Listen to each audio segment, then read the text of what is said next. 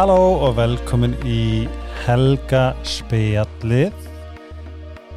Þið þurfa að vera í húðin ykkar í þessu veðri. Það eru aðeins hlýra núna en muni bara að eh, nota sólavörn og í þessum gnýstandi kulda verið með góða vörn. Þá er rakkrem frá Sítukér mesta B.O.B.A. En þið finnið að þið prófið að þetta verður svona skjöldur á húðin ykkar. Eh, með helgaspjallskóðunum getið þið ekki afslaf öllum vörum þess að þið getið líka prófa okkur áfram ef þið hafið ekki prófað. Eh, ef þið eru að hoppa á vagnin skilju þá er uh, travel kitið svo mikil snild og geggja valjú, sérstaklega með afslagkóðunum en almennt þá bara mæl ég heiklust með þessum vörum. Ég fer ekki að sofa á þess að löðra serumunni framann í mig. Sleepy, ef þið eru að íhuga að skiptum dínu þá, ok, þetta er ógst að finna ekki, það er alveg að byrja bróðum að senda mér þetta hann svaf í rúmunu okkar út af því að hafa mig gæsti og hann ringdi mig bro, þessi dína? Eitthvað, mann ekki alveg hvað hann sagði en hann lofsa mann svo mikið og ég er búin að ætla, svo lengi að segja hei, nefnir að senda, mig hvað er fannst um dínuna screenshota og bara setja á Instagram. Að þetta var mjög svona einlæg einlæg hérna æg svona review, þið veitum hvað er að tala um. Það er svona, það var ógsta gaman. Það er svona, þetta er, þið eru búin að heyra frá mér og ég get næst í alhætta hvað þetta er góða dýnur. Það er fast í vest, vest.is, lífi.is sérstaklega núna, sólinn er ferhækandi sem betur fer en munið bara að D-vitamína ykkur í döðlur. Annað, ég er ekki búin að fá neina flensu síðan allir fengur flensu, allir með flensu jól og árum og eitthvað, ég er ekki andur búin að fá hana en ég dæli í mig C-vitamin blöndinu frá iSherb sem er með engi fyrir þess að það er alveg flensu bani. Og ég líka taka C-vitamin skipta, skipta á milli um, good routine. Það er BOM-vitamin sem er partur af uh, iSerbs klaninu iSerbs það er alltaf einhver tilbúið gangi á iSerbs.is þess að tjekkja á því. Og síðast en ekki síst það sem ég er að fara að gera eftir fjandin hafið að ég er að fara í magnesium bað ef þið eigi bakar þá verðið þið bara eiga Dr. Teals það er bara er það ekki bara er það ekki að vera nóbrinni núna? Ég, allavega, ég er alltaf að áriða alla í kringum mig. Það er svona já, er ég að áriða eitthvað líka? En ég lofa, ég er að mæla um einhver sem er ógeðslega gott. En vá, veistu þessi þáttur er ógeðslega fyndin ástæðan svo er að ég vissi ekki hver, hvað viðmældum minn heitir fyrir hún settist í stólinn og ég veit að þið eftir að hugsa what the hell? En til mínu komin Dagbjörn Jónsdóttir, verður velkomin. Takk fyrir. Þú mátt koma aðeins nær. Eða þú mátt líka bara júðast með þetta sem þú vilt. Þetta er góð saga. Já, takk fyrir það. Þetta Já, er bara- bara, geggjur saga einhvern veginn að við bara séum sest hérna tvö saman einhvern veginn. Og líka einhvern veginn að við höfum, að við höfum sko mæst ekki í personu heldur eitthvað aðeins aðra 100% og ég, ég sko ég er svo ógislega forvitin og ég veit ekkert um þig. Nei, það er svona einhvern veginn, ég er ógislega svona humbled að ég sé að fara að fá kynnast þér á sama tíma og allir sem er að hlusta. Já, mér finnst þetta bara geggja eins og ég segi, bara ótrúlega hvernig einhvern veginn bara, við vorum okkur bara ætla einhvern veginn að hitta sinna saman. Pínu. Mm -hmm. af því það var svo gaman, þú voru eiginlega- þú, þú voru eiginlega að segja frá því hérna já, svona Baksöguna, já, hvernig pínu er svona manifestið Já, að þú sért hér, af því að manifest virkar krakkar? Eh, 100% Sko, hérna, ég var að hlusta semst á, og hlusta alltaf á þættina þeina takk. og hérna, og bara finnst þér aðeinsleir og farð hérna alltaf svo áhugaverða viðmælendur og svo ertu líka bara þú veist svo ótrúlega innlægur og skemmtilegur einhvern veginn í, í spjalli við fólk, þannig að ég hérna var að hlusta á hérna þær frá Fortuna Invest koma til þín.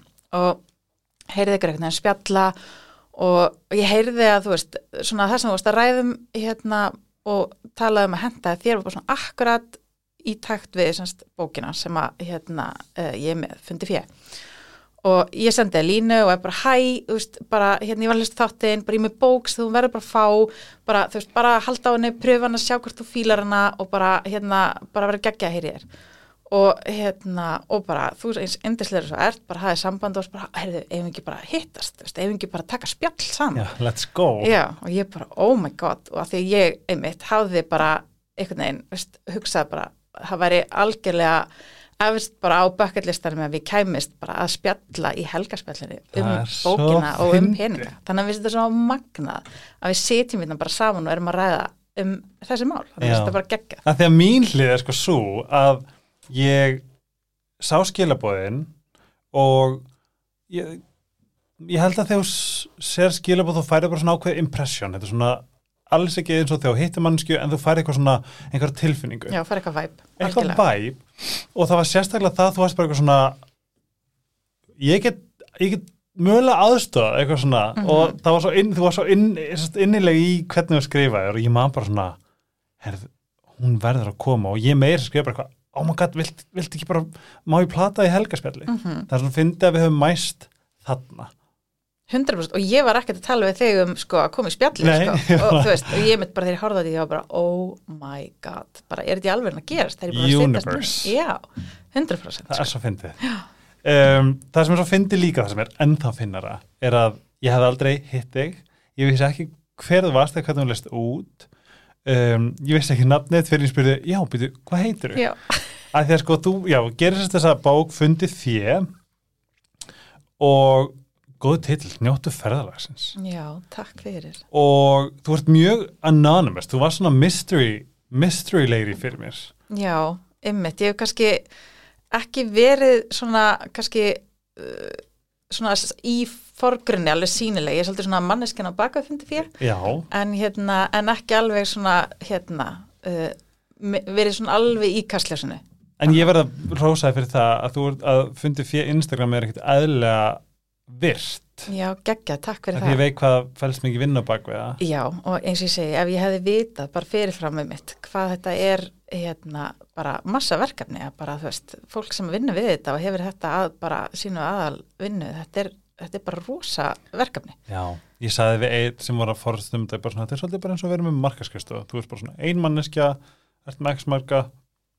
Þú veist að þetta er alltaf bara verkefni veist, en, en fólk vil kannski horfa við séum bara svona típur sem eru bara að baða okkur í frím kremum þú veist, Nei, það verður hægt uh, þú veist, þetta er sama svona þú átt bara fullt af bókum skilja, þetta er svona einmitt. tilfinningin þetta er skemmtileg vinna og ég elska hana þú veist, en, en þetta er, þetta er En þú ert bara með, þú ert höfundur, prodúser, direktor, þú veist, þú bara ert í öllu einhvern veginn og þarf bara að vera veginn að spá í allt, sko. Þannig ég bara, hérna, já, stærsta spurning. Já, Nei, betur, ég ætla að fá gíska stjörnmerkið þitt. já, Ok, það sem ég veit um þig er að þú ert lögfræðingur. mhm, Uh, annað, svona þegar maður horfir að svona you strike me as a svona mega svona góð típa, mhm, þú veist. mhm. En það sem ég er búin að læra og ég veit að þið sem að hlustið á helgarspjalli fíla þegar ég er eitthvað stjörnmerkja perrast, en ég er búin að reyna að sko, eða ég var sett að gramsa og rísandin okkar er við sko, ég held að vera meira bara svona hvernig fólk sér þig eitthvað dúli dúl það er innilega þannig að það, þú veist að horfa fólk þá er ég rauninni að giska á að það er bara skjöldurinn, það er bara pú, áhugavert. áhugavert ekki satt? Og þess að nú er ég gætt að spá ok kannski er þú veist rísandi krabbi eða eitthvað. Svona caring og svona. En þú ert með þessa bók þú ert lí, þú, ég veit líka að þú ert ekki svona einhver anal Excel típa Mm sem ég er mjög spenntur að fara út í af því að þar mætust þau bara mjög skýrt. -hmm. mm, en svo held ég kannski að sért pínu svona tilfinningakomplex svona að þú veist að þú sért kannski svona að það sé svona flóknasta við þig það er svona ég ætla að gíska dun, dun, dun, að þú sért meja meja Ég sportir ekki. ertu sporðdrykki? Já, ég veit að þetta er alveg hérna mjög flippað, en já, ég sportir ekki. Ok, en mm, mér bara mjög leilt að aftur með sko. En nei sko það sem ég upplifa alltaf minnst ég alltaf sjá það í augunum á sportryggum sem sportryggjar, Mm það er eitthvað smá svona Ég held sé ekki þessi típiski ekki. nei þú virkar ekki sem Nei. sportryggi en þú virkar kannski sem vassmerki Mm sem sportryggin er. -hmm. en ég verði vikna, þú virkar brjálaslega þægileg. Mér langar helst að svona bara setjast upp í sófa og drekka te með þér. Geggja, þú erum svona þannig væp um, þú sagði að var í móðir Já. áttu mörg, já, tvö börn, já, eina, eina meiu einmitt, eitt strák og, og eina stelpu hvað er hún?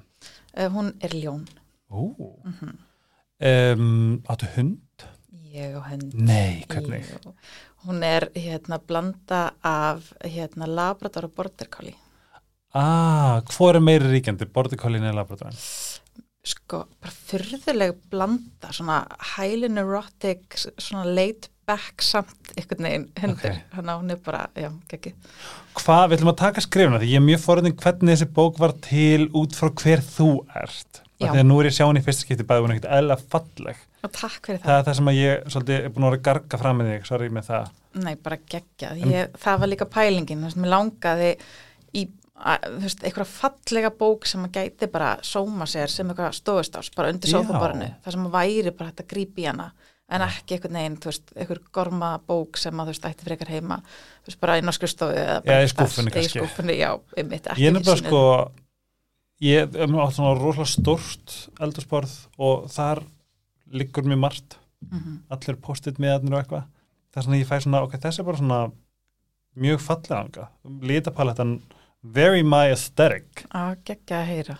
um, ok, þú, þú sérst uh, hvað hva færi þess að fara í lögfræðina eða býtu í hvað mennskóla varstu? Ég var í MR, Ah, en ég fer í lögfræðina bara, þú veist, 2009 eða eitthvað og ég það? útskrifast 2002, ég var alveg svolítið lengi á hvað ég ætla að vera það nýri stór. býtu útskastu 2000 og Tvö, já, 2002 á mennskóla. já, þú mein Já, eitthvað tíman hann rétt eftir aldamótin. já, Þannig að hérna, já, þannig ég klára mennskóla þá og var svona svolítið tíma hvað mér langaði að verða og Aha. hérna og var bara að gera alls konar, var með, annars að vinna veist, í fatabúðum og meira svona í retail hérna mm. gerinum og fannst það gegja en hérna, að þessi draumur hafði alltaf blindað í mér að fara í lagfræðina, hann að ég ákvað bara hann að, að já, 2000, ég held að það er 2009 bara pröfa þetta og sá ekki eftir því bara ótrúlega gaman. Nú verður ég að spyrja, ég veit ekki hvort maður sem að mægi spyrja þetta, spyrja þessu. Ertu með eitthvað svona ADHD enginni? E, ég held að þú myndir tala um fólki kringum mig, þá myndir það klárlega segja það, já. Ok, og ég spyr bara að því að ég er svolítið spenntur að, þú veist, mér er svo gaman að við tengjum varandi hvað við erum að spá, varandi hvernig fjármál geta bara en skemmtileg og svona Já. spá í þessu bara svona, að þetta sé svona dúll og svona, ah, þetta en ekki eitthvað svona, fuck. Einmitt, mitt svona, hérna, þú veist, mission er bara svolítið að, þú veist, sína fólki að þetta getur bara orðað eitthvað geðastund. Veist, Mhm. ég bara kveiki á kerti og með kaffi og opna bókina og Mhm. sundagsmorgun og eitthvað svona og þú veist, þetta á bara að vera, þetta á, ma maður getur breyttis yfir þetta. Einmitt, því ég mitt bara, ég reyna að breyta öllu, ég, ég spyr mig alltaf, er þetta gaman? Og ef ég svarið er nei, veist, ef ég þarf að gera, sem er svona, gera ekki bókara skattskil, Jú, já, þú veist, ég, mitt, þú veist, ég ger eiginlega ekkert sem ég finnst leðilegt nei. og það er búið að enrich my life rosalega mikið, Mm það sem ég reyna að gera allt skemmtilegt, hvernig get ég gert það skemmtilegt. -hmm.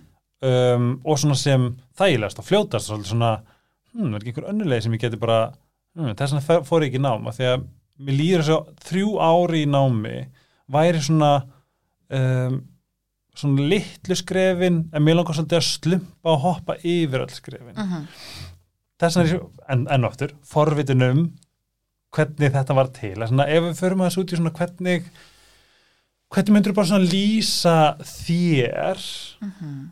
varandi fjármál bara svona sagan svolítið Ok, sagan. Ok, sko, um, þú veist, fyrsta lagi, þú veist, ég er engin einhver fjármála gúrú, þú veist, einhver hagfræðingur eða einhver sérfræðingur í, í Kannski- fjármálum. en kannski er þetta skilur. einmitt, ég er kannski, kannski er þetta ekki akademiskur nei, ég er bara svona, svo- einmitt, svolítið svo bara, þú veist, við öll bara leikmaður, þú veist, og, Mm. og bara þurfum að fóta okkur einhvern veginn í bara samfélaginu og hérna, og geta einhvern veginn bara fundið góðan takt í hvernig við höldum við þennan peningana, veist, þannig að þetta sé bara, þú veist, einfalt en skemmtilegt og svona markmiða drifið verkefni þar sem að, þú veist, peningarnir eitthvað fara bara í það sem að okkur, eða skiptir okkur máli. Þannig að við séum ekki einhvern veginn bara að velta fyrir okkur því að það er alveg rosa margir sem bara þú veist, keira í gegnum bara, þú veist, sitt daglega amstur í dags bara, veist, og er einhvern veginn ekkert í endali ykkur brjálæri núvitund í bara hvað peningarnir fara heldur eru bara,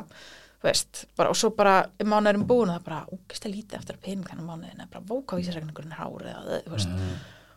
og, og þá er oft svona bara hvað herri næsti mánuður, hann var sko tekin bara, þú veist, á nefið. svo bara, ég ætla að taka þetta all in Mhm. svo bara, þú veist, bara líða daginn og svo kemur bara næstu mánuðum og maður er bara shit, ég sé blóta þú veist, Þú mátt bara, segja fokk líka að þú veist bara eitthvað, nei, ég sér ekki bara, ég er aftur bara, eða Mhm. þú veist, þetta er alveg eitthvað sem að, hérna, svona, þú veist, getur gerst og það er akkurat það sem mér fannst bara svona vanta, eitthvað svona sem bara, veist, þetta á bara getur flókið, þú getur bara sest bara svona stuttan tími einu og svolítið bara svona, já, bara, veist, ekki gera þetta of erfitt en samt hann þetta virki og sé bara efficient. Og, færði þér svona til að hugsa þessum bara í hvað peningarnir fara og bara er ég sátt með, þú veist, hvernig ég er að eða peningarnum mín vil ég láta það vinna svona fyrir mig? Mm. eða, þú veist, á ég mér einhverja drauma eða einhver markmi Má ég skjóta einin? Þú saði nefnilega áðan off-air að þú, þú elskar það bara svona fuck you money, bara svona til, þess gaman að þú veist, þú, þú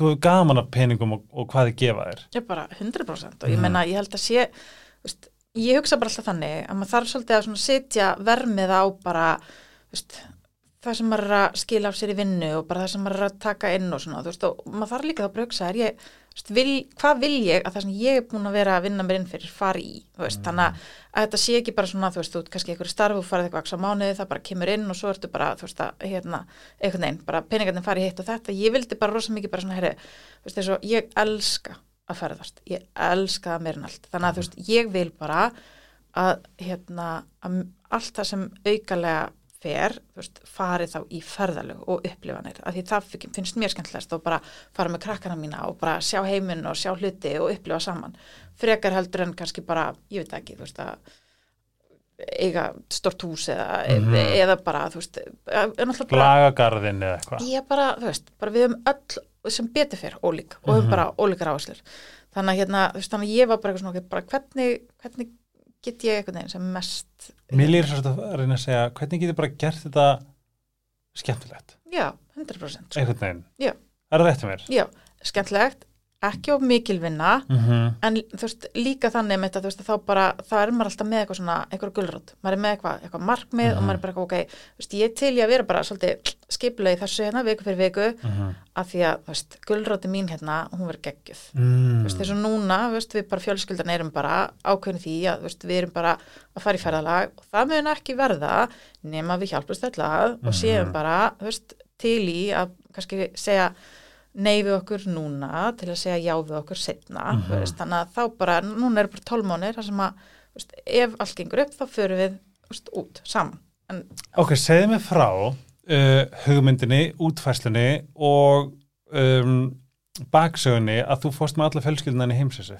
Já, sko við sannarlega æt, ætliðum okkur að hérna, fara í heimsreysu og hérna, plani var sem sagt árið 2020 að fara saman í Já, hérna, já, það er herrans ár. já, það er skemmtilega ár uh, þá vorum við búin ákveða að, að við fjölskyldan færum uh, saman til hérna Asi, ætliðum að fara Er maðurinn búa maður?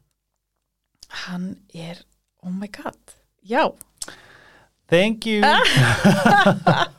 ok, geggjað þetta ég er bara svona í smásnum bara í alvegni, já, beti, hann er góð en hérna, já, þannig hérna já, við ætlaðum að fara saman í, í reysu og þú veist, við náttúrulega bara sáum það strax að það erði bara, hérna mikill kostnæður og hérna og vorum bara, sáum bara að við myndum taka alveg bara þó nokkuð mörg ári að sapna, þú veist, og mér fannst einhvern veginn tilugsunni það bara, bara frábært, þú veist, ég er að fara að skiplega eitthvað núna og sapna fyrir einhver sem er að fara að gera þetta þrjú ár Já, og hérna, og einhvern veginn hugsaði bara svona, ok, þú veist, reynum þetta hérna, bara ákveðum bara að, hérna að bara byrja að pröfa og þú veist, leggja fyrir eitthvað ákveða mánuði og hérna, hvað er bötning gömul? Er það? uh, þau eru í dag eru þau 16 og 11 8-16 á bann? já, Jú. og hérna, já, þannig að við bara þú veist, svolítið bara lögðum saman á eitt og bara lögðum hérna fyrir og þú veist, þetta var ótrúlega gaman, við vorum sérst með bara svona krítarvekkin í stofu heima hjá okkur og Nei. við vorum bara búin að skrifa þú veist bara ferðina og þá var bara svona stór hérna bara svona lína af vegnum í bara svona litlum kuppum og hérna svo krótaðar yfir í hverju mánu þegar þú veist komið upp að hana þú veist, þú veist að safna fyrir. Og þannig að við sáum alltaf þú veist, línuna lengjast og lengjast. Takmarkið var alltaf að komast nær og nær. Mhm. og hérna, og það var svo, veist, og það er um hlutið að gera þetta svolítið skemmtilegt, veist, það voru bara allir saman á heimilin í þessu og vinirnir voru komið heim og bara, hvað er þetta upp á vegg hérna? Og bara fannst þetta allt ótrúlega, ótrúlega hérna, forvitnilegt og, og, og þú veist, og þá voru krakknir bara, "Já, við erum að safna hérna verið ferðarlega og þú veist, að og hérna, og þú veist, okkur tókst það okkur tókst að safna fyrir ferðinni. Nema, eins og ég segi, þú veist, það var bara það, hérna, leðilega við þetta var að við ætlaðum að fara, hérna 2020 hérna í april-mæ Mm. hann að hérna við erum bara að setja ferðin á ís sko. þannig að ég mitt tala oft um það, ég veit ekki hvort var meira svekkandi sko að, veist, að ná ekki safna fyrir þessu og hafa ekki getað farið eða bara ná að safna þessu og fá ekki að fara. Emmitt en, The double-edged sword. En þetta, þú veist, lærdómurinn við það að fara í svona verkefni veist, En fóruð þið? við, við fórum ekki en þú veist, lærdómurinn sem Mm. þetta sko fara í gegnum það verkefni að leggja fyrir. Emmitt það var bara, veist, og það var bara annarferðaleg sem ég bara vissi ekki þá Egið þið eftir að fara?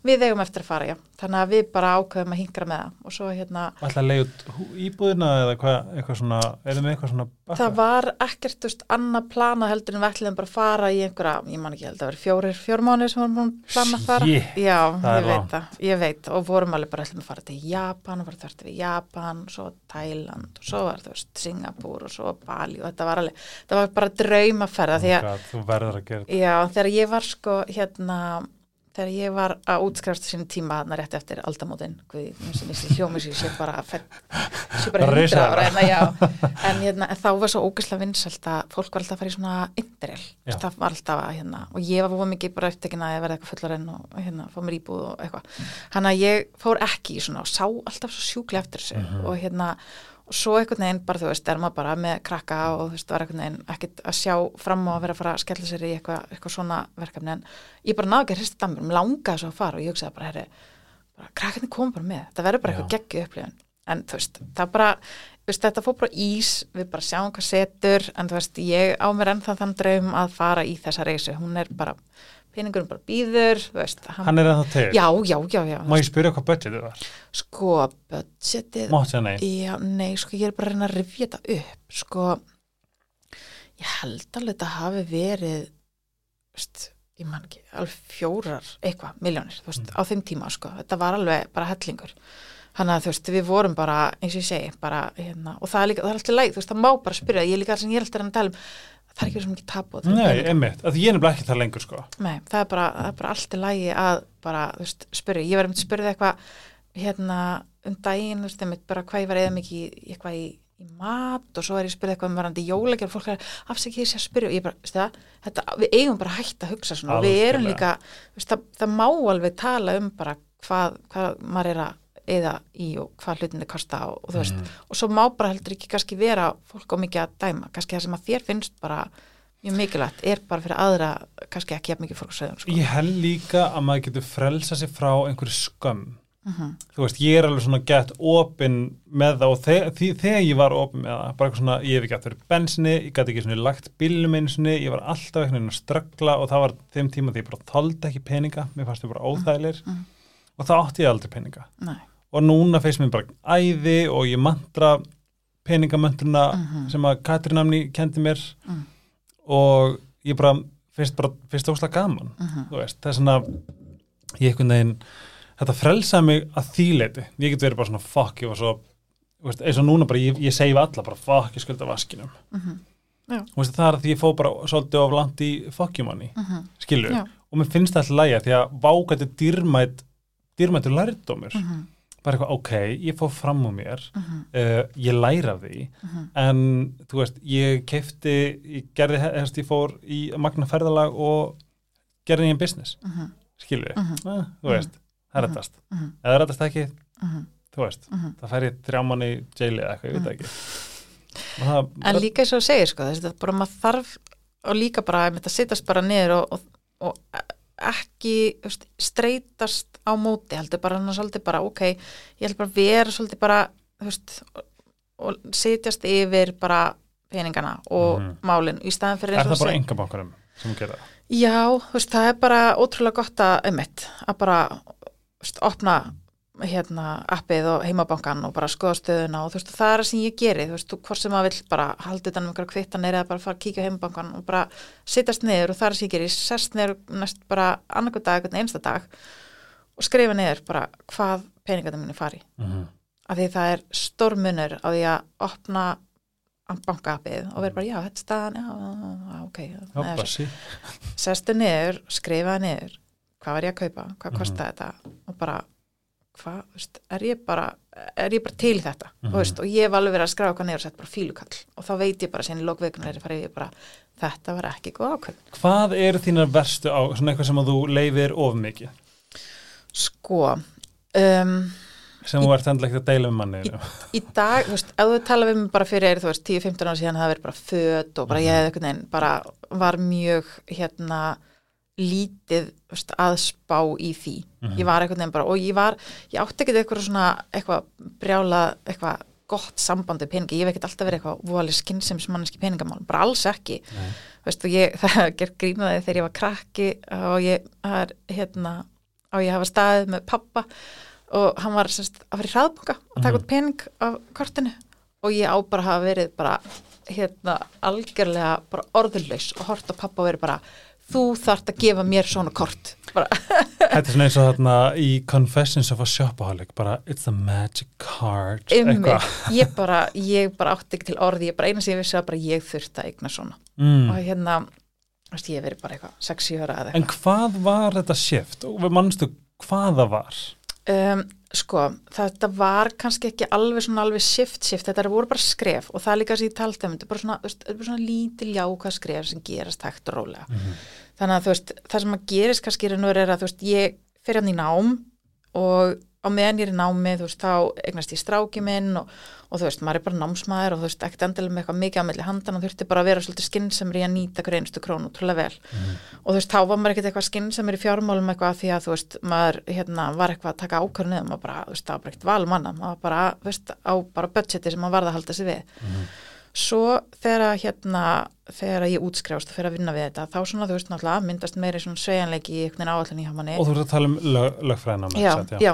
og hérna og, finn bara þá þú veist að ég er ekkert að fara jafn vel um peningana mína. Ég er ekki jafn svona veist, meðvitið um bara í hvað peningana er að fara ég er bara, að hugsa bara, ég er bara gott fyrir að fer, veist, ferðast og er bara svona, þú veist ekkert mikið að velta hlutunum eitthvað meira fyrir mér er það, annað en bara halda mér rétt með við línuna og hérna, svo svona fer ég á þá að reyna að finna ok, mér langar bara að finna eitthvað system sem henda mér því ég var búin að pröfa að halda eitthvað í Excel og þú veist, ég bara er ekki þessi típa. Og hérna eitthvað svona smáfórit og eitthvað til þess að halda utan um eitthvað útgjalda liði og eitthvað, Og bara, þetta er mikilvæg partur í þessu podcasti. já, Þú ert ekki þarna, nei, en þú ert hér. já, Ok. ég, ég bara vil bara skrifa hlutina niður, er bara svona veist, bara eða svona típisk svona dagbókar mannskum, mér er bara gott að skrifa hlutina niður, frekar heldur en að hérna vera að nota þetta eitthvað neginn í tölvunni. Þannig að hérna, þannig að ég bara fór að gera svolítið þetta, ég fór að skrifa hlutina svona reglulega niður og hérna fann bara svona hægt og rólega bara hvað, veist, eðislu minnstri mitt breyttist, ég fór að þú veist, finna bara það, mér finnst bara skemmtilegast að ferðast, mér, Mhm. ég þarf ekki endilega að vera að eyða peningum mínum í föt þannig að ég fór að eyða minni peningi föt og meiri peningi ferðarsjáðu minn Já. og þú veist, þannig að ég fór meira að vestla bara svona second hand, þú veist, eða kaupa, þú veist, eitthvað í ekstra loppinni eða eitthvað þannig, þú veist, og það bara veitti mér alveg með klánaði Einmitt. Og hérna, og svo fór ég bara, þú veist, að hérna, þú veist, bara hægt og rólega náttúrulega, bara fer þá má bara búa sér til, þú veist, það myndi vara sjóð og bara svona hægt og rólega fór bara að koma skref þar sem ég var bara svona fann að finna, bara heyrðu, vá, bara mér er farið að líða betur og betur svona og hérna, og þannig einhvern veginn, bara svona hægt og rólega kemst maður bara á, á einhvern veginn svona góðan stað, sko, ég, eiginlega þannig eins og ég segi, þetta var ekkit svona, þetta var ekkit alveg shift, en þetta var samt bara svona, ákveðin tímpundi stendi, ég bara svona, já, vá, ég er bara komin hingað, Já. ég er bara Ég, ég var svona, kannski, veist, ekki svo skynnsamast og svolítið mikið með allt í órið ég bara vera bara, herri, ég er bara veist, með bara smá yfirsýn og bara, bara með plan og bara, ég veit bara hvað ég er að gera eða Mhm. skilur þannig að, já, Hvernig, um, hvernig, hvernig kemur, hvernig þessa hugmynd að bókinni, en veistu hvað ég er svo forrættin? Ég er Já. hann að sjá þau fyrir mig hvar þú situr og ert að skrifa, það er sko hellinga texta þessu líka. já Hvar sast að skrifa þessa bók? sko ég var, þú veist, ég, svona dritaði mest megninu bara niður bara í sófanum heima í bara einhverju svona bara, þegar ég var bara svona ég, ég bara verð að koma þessum pælingum mínum bara niður í bók. Ok. Þannig ég var bara mjög mikið bara heima, þú veist, bara í, hérna, sinnepskula sófanum mínum sem að, þú veist, veiti mér bara mína mestu ánægju stundir að sitja þar með bókina og kaffibóllan, hann að hérna, hann já, ég var bara þar og hérna, og bara skrifaði mest megna bókinu þar. Já, eiginlega. Og hvernig, hve- hve- hvenar verður þetta, ég ætla að gera bók, Sko, að því sem sagði í byrjun fyrir ekki já, nei, bara Það er eftir að ég tala við þig, Já. þá feist mér í sjá hana allstar. mm -hmm, Hildur vinkona var á postinni í stóri áðan og ég fekk bara svona, hvað fyndið? mhm. Það er ógeðslega gaman. Já, ég sko ástæðan semst, fyrir því að gera þessa bók er bara, þú veist, ég fann bara þetta var sístum í sínotaði Mhm. þú veist, ég hafði alveg, maður hafði alveg séð einhverju svona, þú veist, bækur til einhvern veginn að bara skrá niður einhverju útgjöld og eitthvað, það virkaði ekki fyrir mig, ég vildi bara svona eitthvað viku fyrir viku, ég vildi fá pepp, ég vildi fá, þú veist, einhverju svona áskorarnir í bókinni, ég vildi fjárasli markmi, ég vildi bara svona eitthvað sem að, veist, virkaði fyrir mig og þú veist, bara, þetta byrjaði sem bara mjög eigingjörn hugmynd, mig langaði í bókina. Ég þarf þetta. Já, og ég var búin að hugsa, ég er komin nóði að vera alltaf með þetta, bara einhverjum blöðum hérna heima hjá mér, mér langar bara í bók Já. og svo hugsaði bara, ég get ekki verið svo eina sem að vill hérna gera þetta svona Mhm. Vist, ég líta að finna einhvern sem hefði áhuga að, að svona halda utan um peningarna svona líka þannig að hérna, þannig að það er ennum verið bara svona á, já, svona upphafið að þessu sem að ég, þú veist, fer að stað með þetta og ég hérna var búin að liggja á þessari hugmynd, þú veist ég veit ekki, veist, bókin var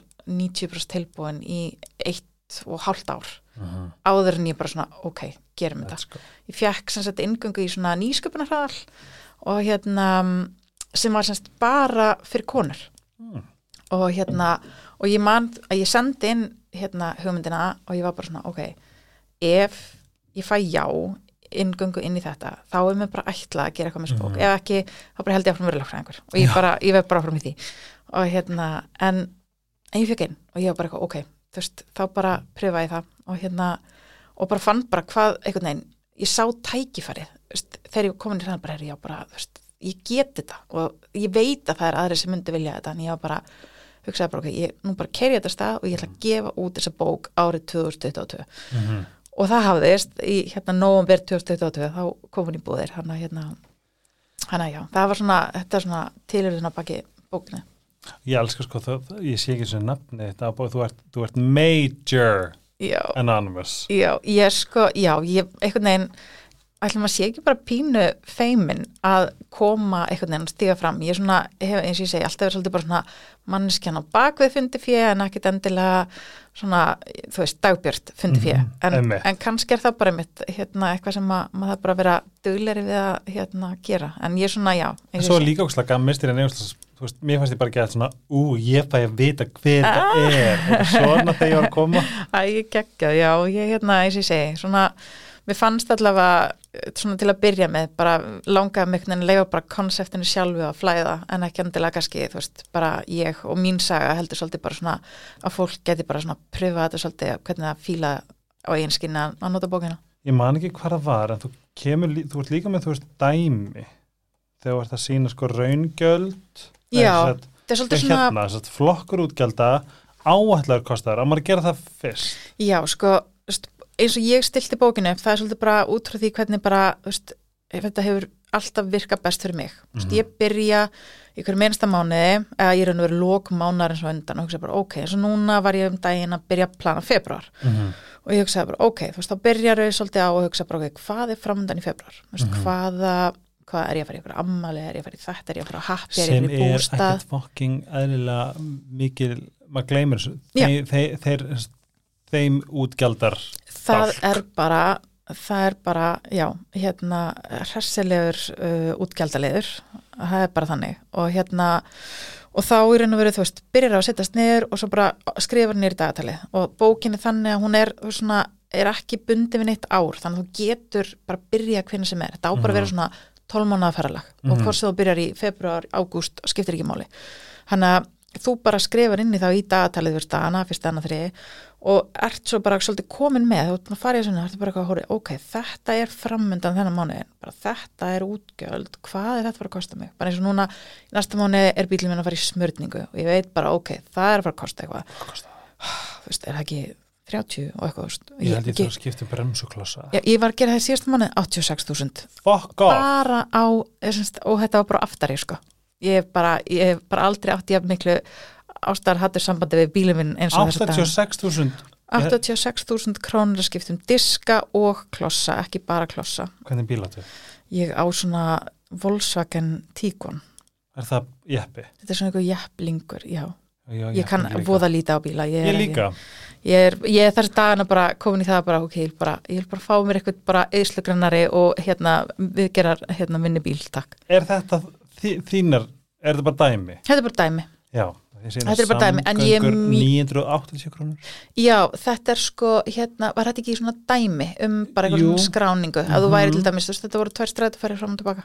Mm, að því að svo kemur bensin líka Já, þannig að ég, hérna, þú veist, ég held ég að vera með eitthvað svona dæmi okkur stað sem var bara svona, heyrðu, bara tókst hérna, varst að fara happy hour eða eitthvað og fórst síðan í, tókst stræt á heim, di, di, di, þú veist, okkur bara svona, svona aðeins að taka saman Já. bara. Og hérna, Ég er nefnilega að veit að ég er pínu svona ignorance is bliss mm, típa. Mm og svo bara, whoops.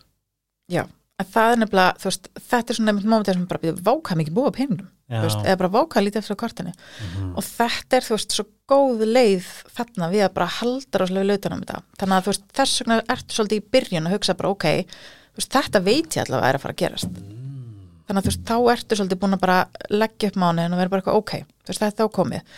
Þá bara, svo tekur svolítið saman bara, hvað, þú veist, hvaða reikningar og útgjöld og svona eru framönda líka, skrifa það niður. Og ert bara eitthvað, ok, út frá því hvað ég með í laun, hvað situr eftir? Bara, þú veist, ok, býtum hægur, ok, það er þetta, það er þessi útgjöld, ok, þannig að þetta er svona svolítið upphæðan sem ég hef úr að móða þennan mánuðin og ég þarf bara að láta það einhvern veginn duga, þú veist, og ég er bara, veist, vanur eða svona mikið þetta og svona mikið þetta. Og svolítið þannig stillir upp svolítið svona áallun út frá þessum útgjaldaflokkum, þú veist, ég veit þetta kannski hljómar voða þurft, en þetta er bara í grunninn bara, þú ert eða eitthvað ákveðið mat, eitthvað ákveðið skyndibita, ákveðið þetta í, þú veist, skemmtanir, í, þú veist, lækningskostna, bara nefndu það. Og þannig færðu svolítið svona yfirsýnina í hvað, þú veist, þú hefur svona til þess að vinna með. Og svo ferðu bara viku fyrir viku og skráir niður, þú veist, það sem ert að eyða og sérð bara, heyrðu, er ég að halda mér á áallin er þetta bara, er þetta raunhæft? Já, veist, er þetta bara eitthvað, heyrðu, þetta mun bara aldrei funka. Bara eins og, matakostnaðar ég menna það eru bara gali dýrt að fara að kaupa matinn í dag. Veist, bara matakarum bara hækkar og hækkar og hækkar. Þannig að þú kostar veist, 500 skall.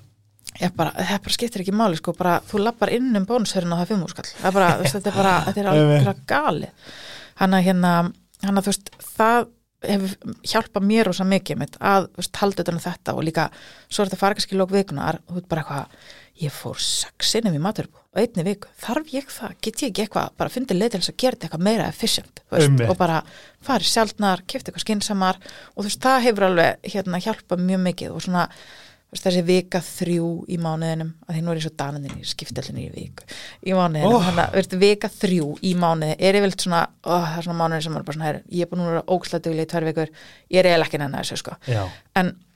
sko, Já, það er akkur- rétt hjá þér það segir það. veist, þá ferum og svo með einhvern veginn lókmáðans bara hvað næsti mánuður, hann verður gerður almennilega, ég bara verður allt gert með trompi. En þess vegna finn ég alltaf þessi vika þrjú svo mikið wake up call fyrir mig, því þá er ég bara eitthvað, herri, ef ég ætla að láta þennan mánu gangu upp, ef ég ætla að leggja fyrir ég ætla það sem mér langar að gera þá verð ég að halda þessi orðung. Annars bara, þú veist, verð ég þá bara að segja bless við ykkur markmið sem ég er búin að setja mér. Ég, ég man ég átti heim í köpen og á hlægilegum launum og ég man eftir að ég þurfti að lifa á 50 krónum á dag. Já, ég meit og var ekki rétt mér? Jú, 50, 50 eitthvað svona. Mhm. en það var bara ekki sjúklega gaman að finna leiðir. Mhm. ég bara einhvern veginn það var ógæslega var geggja, en það er svo segir, þú bara fannst eitthvað að leið til þess að gera það bara skemmtilegt, bara challenge. 100% og málinu, þú veist, ekki nóg með það að við erum alltaf að henda við erum alltaf að til þeim að henda plasti og pappa er bara, það er, Mhm, það er galið hvað, mhm, þú veist? Mhm, þess að þá er einmitt líka bara, ok, kaupa eitt lauk, mhm, þú veist að því að ég veit hvers mörgum laukum og sætum kartöflum í hendi, mhm, það er geggja að sæ- sæta kartöflum, hljóma bara auðvitað þar ég að sæta kartöflum hvað er að tala um mhm, en borða þér, nei, mhm, ég meit þú veist, ég, ég, ég fyrir á prepparinn og kaupa mér þar eða eitthvað skilur já, eða bara í hagkaup á salatbarinn.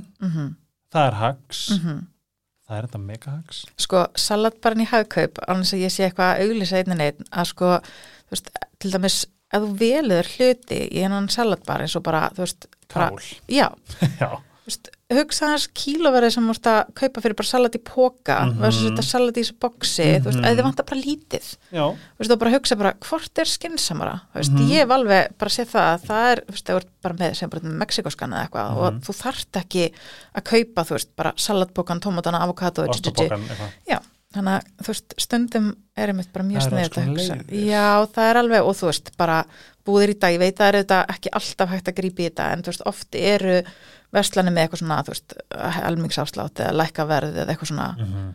það er bara ógeðslega sniðið að nýta það. Það er alveg, þú veist, oft og ég meina, þú veist, matur sem er að renna út, ég er alveg svona svolítið dögulega að sína frá því á Instagraminu mínu, börnunum mínu finnst ég alltaf bara alveg snarklik sko að vera, þú veist, nota svona ótrúlega útrunni mat.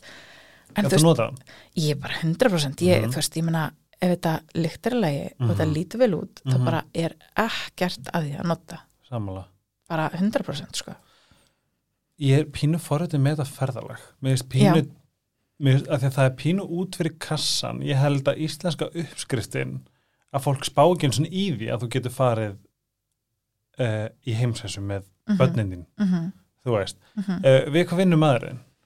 Hann er svona ráðgjafi upplýsingatækni. Jú, Já, er hann, hann fastraðin? hann er veist, að vera sjálfsastarandi er náttúrulega bara hags Já, en það er samt, veist, nýlega skip við vorum bæði, á þessum tíma sem vorum að sapna fyrir þá vorum við bara bæði, veist, í bara föstum 9-5 vinnum, Er sko? Og hvað ætlaðu að gera varandi, mér finnst það bara mjög inspirerandi konsept. Hver var, um, hver voru hérna ráðin? Svona hver, hver nei, svona ráðsta, uh, ráðahagurinn varandi vinnu, bílin, leigu, var það inn í budgetinu? inn í budgetinu, sko við vorum búin að velta fyrir okkur að leia mögulega út íbúðuna með hann eða fara í eitthvað svona Airbnb Eða húsaskipti? já, em, Bali? ég er sko nýkomin í eitthvað húsaskipta hérna svona Mm, síðu og það er mm. bara að vilja allir koma til Íslands þannig að ég er einmitt að skoða það núna fyrir ferðin okkar Kate um Winslet í The Holiday Já?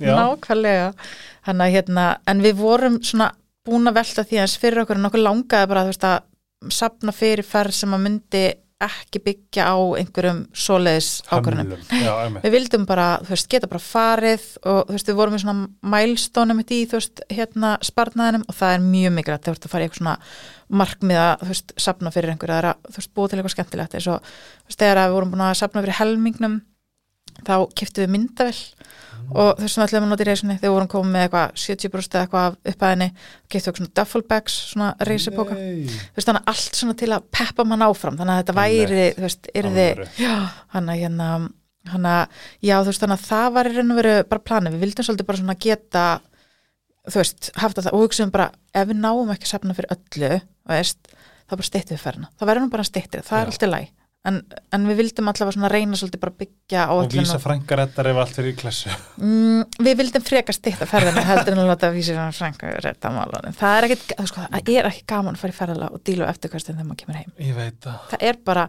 þú nýtir þín ekki almennilega í ferðinni veist, að því þú veist þarna ekstra bak veira það er bara eitthvað og þú veist, svo, svo kemur bara hverstasleikin aftur og, og þú veist, svo ertu bara að fara að vinna þetta upp þegar þú kemur heim, það er ekki Mhm. gaman. Ég hef alveg gert svo leiðis, þú veist, bara fyrir mörgum ára síðan. Það er bara ekki skemmtilegt, Mhm. það er bara margvald ég skemmtilega, þar nuna. Já, það er bara, þú bara pröfaðu að leggja fyrir einni ferð og Mhm. fara út með bara, bæði búin að borga flugi og gistingu og eiga bara eðslapinningin og koma heim og bara vá þetta var geðið, þetta var bara geggjast sem ég hef upplegað var að fara í bara einhverju svona þetta var bara svo miklu meira frelsi Já. að fara í þannig ferð heldur en að vera bara svona Pure æ, svo bara, svo dreifum við svo bara þegar við komum heim og þannig til við fyrir mér næstu ferð hvað er planið núna varandi þessa ferð? Mhm. Dóttiðin er væntalega hvað í tíundabæk? Já, hún er komin í mennskóla Sér, Og- mér veist þú alltaf unglið þegar Já. sé að batni með Þannig að þetta er líka það sem er orðið svo, þetta var svo fullkomin tími þegar við fórum, hún var í hérna, en það í grunnskóla þannig að þú veist, þið sáum alveg sveginleikan á að komast, þú veist, frá líka við ætlum að fara bara snemma þú veist, um vor Mhm. og vera síðan yfir sumarið, en þú veist bara homeschool vibe. Já, en þú veist, já, en svona, já, einhvern veginn svona að reyna allavega að ná að redda þessu þannig að við kæmumst, veist, aðeins fráið mitt, þannig, og strákurinn yngri, þannig að við getum einhvern veginn látið að fungera, en þú veist, núna er þetta bara rosa flóki, hún er, þú veist, bæði, bæði í skóla, náttúrulega, þú veist, og náttúrulega bara, þú veist, í aldrei sem verða, það eru náttúrulega sjálfstæðari og með vinnur og hún er í íþróttum, hún er í kafi fótboltanum og, veist, þannig að það var svo erfitt að segja eitthvað, herru, hver er ekki til í að koma með okkur í mánuði? Ágríns. Þannig að, hérna, þannig að það er pínu svona kannski það sem að hefur flækt aðeins en þú veist, ég á þennan draum en þá en við bara, veist, ákveðum til dæmis eins og síðasta sumar að bara, heyrðu, ok, þá bara gerum við eitthvað skemmtilegt, það var bara stittra veist, þannig að við fórum til Englands og fórum á EM-konni fótbolta og veist, gerum eitthvað skemmtilegt þar og Ok. þú veist, þannig að þá bara býrum maður bara til aðeins minna Svo er líka bara, þú veist, nú færast ég, uh, þú veist, ég veikjanlega, ég fór í mánuð til Thailands núna, mér Já. fannst það, ó, gísla langt, langu tími. Já, fannst þér á of, of langu tími Kærstum minn kom í tíu daga mm og ég, ok, sjáumst fljóðla, love you, eitthvað, Mhm. og svo væri bara eitthvað, fuck, það er rúmlega þrjár vikur, eitthvað svona, mm. þrjár vikur, eitthvað svona hérna, -hmm. þrjár vikur, þú veist, 14-20 dagar, ég bara svona, "Bíddu, er þetta svona langt? Ég alveg fór þa þanga, sko. okay. En, Þetta er kannski rétt þér, þetta er kannski bara, kannski er þetta ekkit endilega, veist maður, því maður horfir svo mikið svona eins og þetta bara, ég verða að vera í mánuði, ég verða að vera í þrjá mánuði. ég nefnilega, og ég hef ferðast til Asíu síðan 2016, easy peasy lemon squeezy, sko. Já, er það? og ég, þetta er svona, þetta er svolítið með komisku ífafi þegar ég er á FM að hérna svona tala gegn tenni Mhm. en í fóranga sjálfu þetta ræði Mhm. og skil bara mjög vel að, Mhm. að fólk veit fara þarna sérstaklega með börn en það góða við það, eins og ef við tökum ég til dæmis gerði mjög skemmtilegt svona væp, svona eins og ég fyndi fyrir Já, það sem að uh, ég, þú veist, kefti flögið á 100 áskall kefti rúmlega þrjár vikur á hótel drauma, draumastaður drauma bungalow elska meira en allt, mun fara á hverju ári punktur. Uh, það var líka 100 áskall því það var low season. En ég var það nálægt high season að það var gott veður, mm. yfirleitt. En Ok. svo var reg seasonu bara geðið dreamy. Það var magna einhvern veginn að bara syndi sjónum og það var bara já, Æ, fyrir ekki þú sem ert að hlusta í, í hérna, örgulega með hernantól, er er hljóð allavega. Um, mest streamy, allt ógst ádýr. Ég borðaði morgumat, millimál, þú veist, ég fór og fekk morgumat og svo, þú veist, var alltaf panta með mango smoothie og eitthvað. Kvöldmatu var, var oft, þú veist, tveir réttir, þú veist, það var kannski gjötrættu hér og svo fekk mér græmitisrétt líka. Mm. Uh, það er rosalega margar máltíður dag og bara full eldar og geggjaðar og eitthvað svona. Ofan á það er nutt inn í þessu verði. Fyrir, Pétur komið hvað? Tíu daga, svona ég var inn í rúmlega tvær vikur einn á þessu hóteli. Ég borga 45 úr skall fyrir allt saman. Já, hérna. á hverjum degi. Það er svona, þið getur auðvitað sluppið þarna fyrir Mm hvað, 120 skall fyrir Mhm. tvær vikur. -hmm. á meðan sko, eins og við fórum til- Tenerife uh, í sumar ég held að þetta hefur verið það sem að sko nóttin per herbyggi var, þú veist 45 úrskall eða eitthvað Mm. um, þetta er alveg rúmlega tveggja miljonar konum dæmi Já, einmitt. ég fór á þetta á fraction of the price En hvernig er þú veist ferðalagið? Finnst þetta ekkert, þú veist, of mikið það Journey. er einhver mesta mýta bara í Já. heiminn er það? almatur, bara, þetta er bara geðveikt ég fór bara til Köpen, chillaði lánsunum, fór uh, nætuflug til Bangkok, svaf sex tíma, horfði á tvær myndir og ég var bara komin til Bangkok Ok. og bara, og það ég veit að, þú veist, ég veit að tilökum sem sérstaklega með börn er erfitt en eins og með þín börn, þú ert bara, þú ert bara með Já. rettið með fullt af einhverjum iPad-leikjum Já, og, er það stór náttúrulega. já, og þú keft sóður rótt hjá, hérna, Ice, Ice Herb sem er bara svona náttúrulegt Já. eitthvað róandi, alls konar þú veist, þetta er bara, og svo verðlega tilbaka, það var bara mesta mesta kaka sem ég hef það bara, ég fór í flug kl. 12 um nóttina að miðnætti svaf bara allan tíma Ok, Vá, Þú ert alveg bara, hérna, opna alveg aftur á hennan. I Draum. know, og ég er líka bara fyrir ykkur sem er að hugsa, þú veist, þetta er þetta er alltaf algjört taksa því að það sem þú eigður í Englandi eða, eða tenni Mhm. eða köpen, þú Mhm. veist, fólk stekkur til köpen bara í helgaferð, en eigði samt 200-300 Ótrúlega kallar. dýrt, sko, að fara til Kaupmannhafnar. Ég meina, það er bara mjög dýrt að vera til þar, Já, sko. bara kaffi kostar 69 krónur, sem er, þú veist 1400 kall eða eitthvað. Að meðan kaffi þarna, veist, ég kefti mér stóran matcha latte á Starbucks í Bangkok.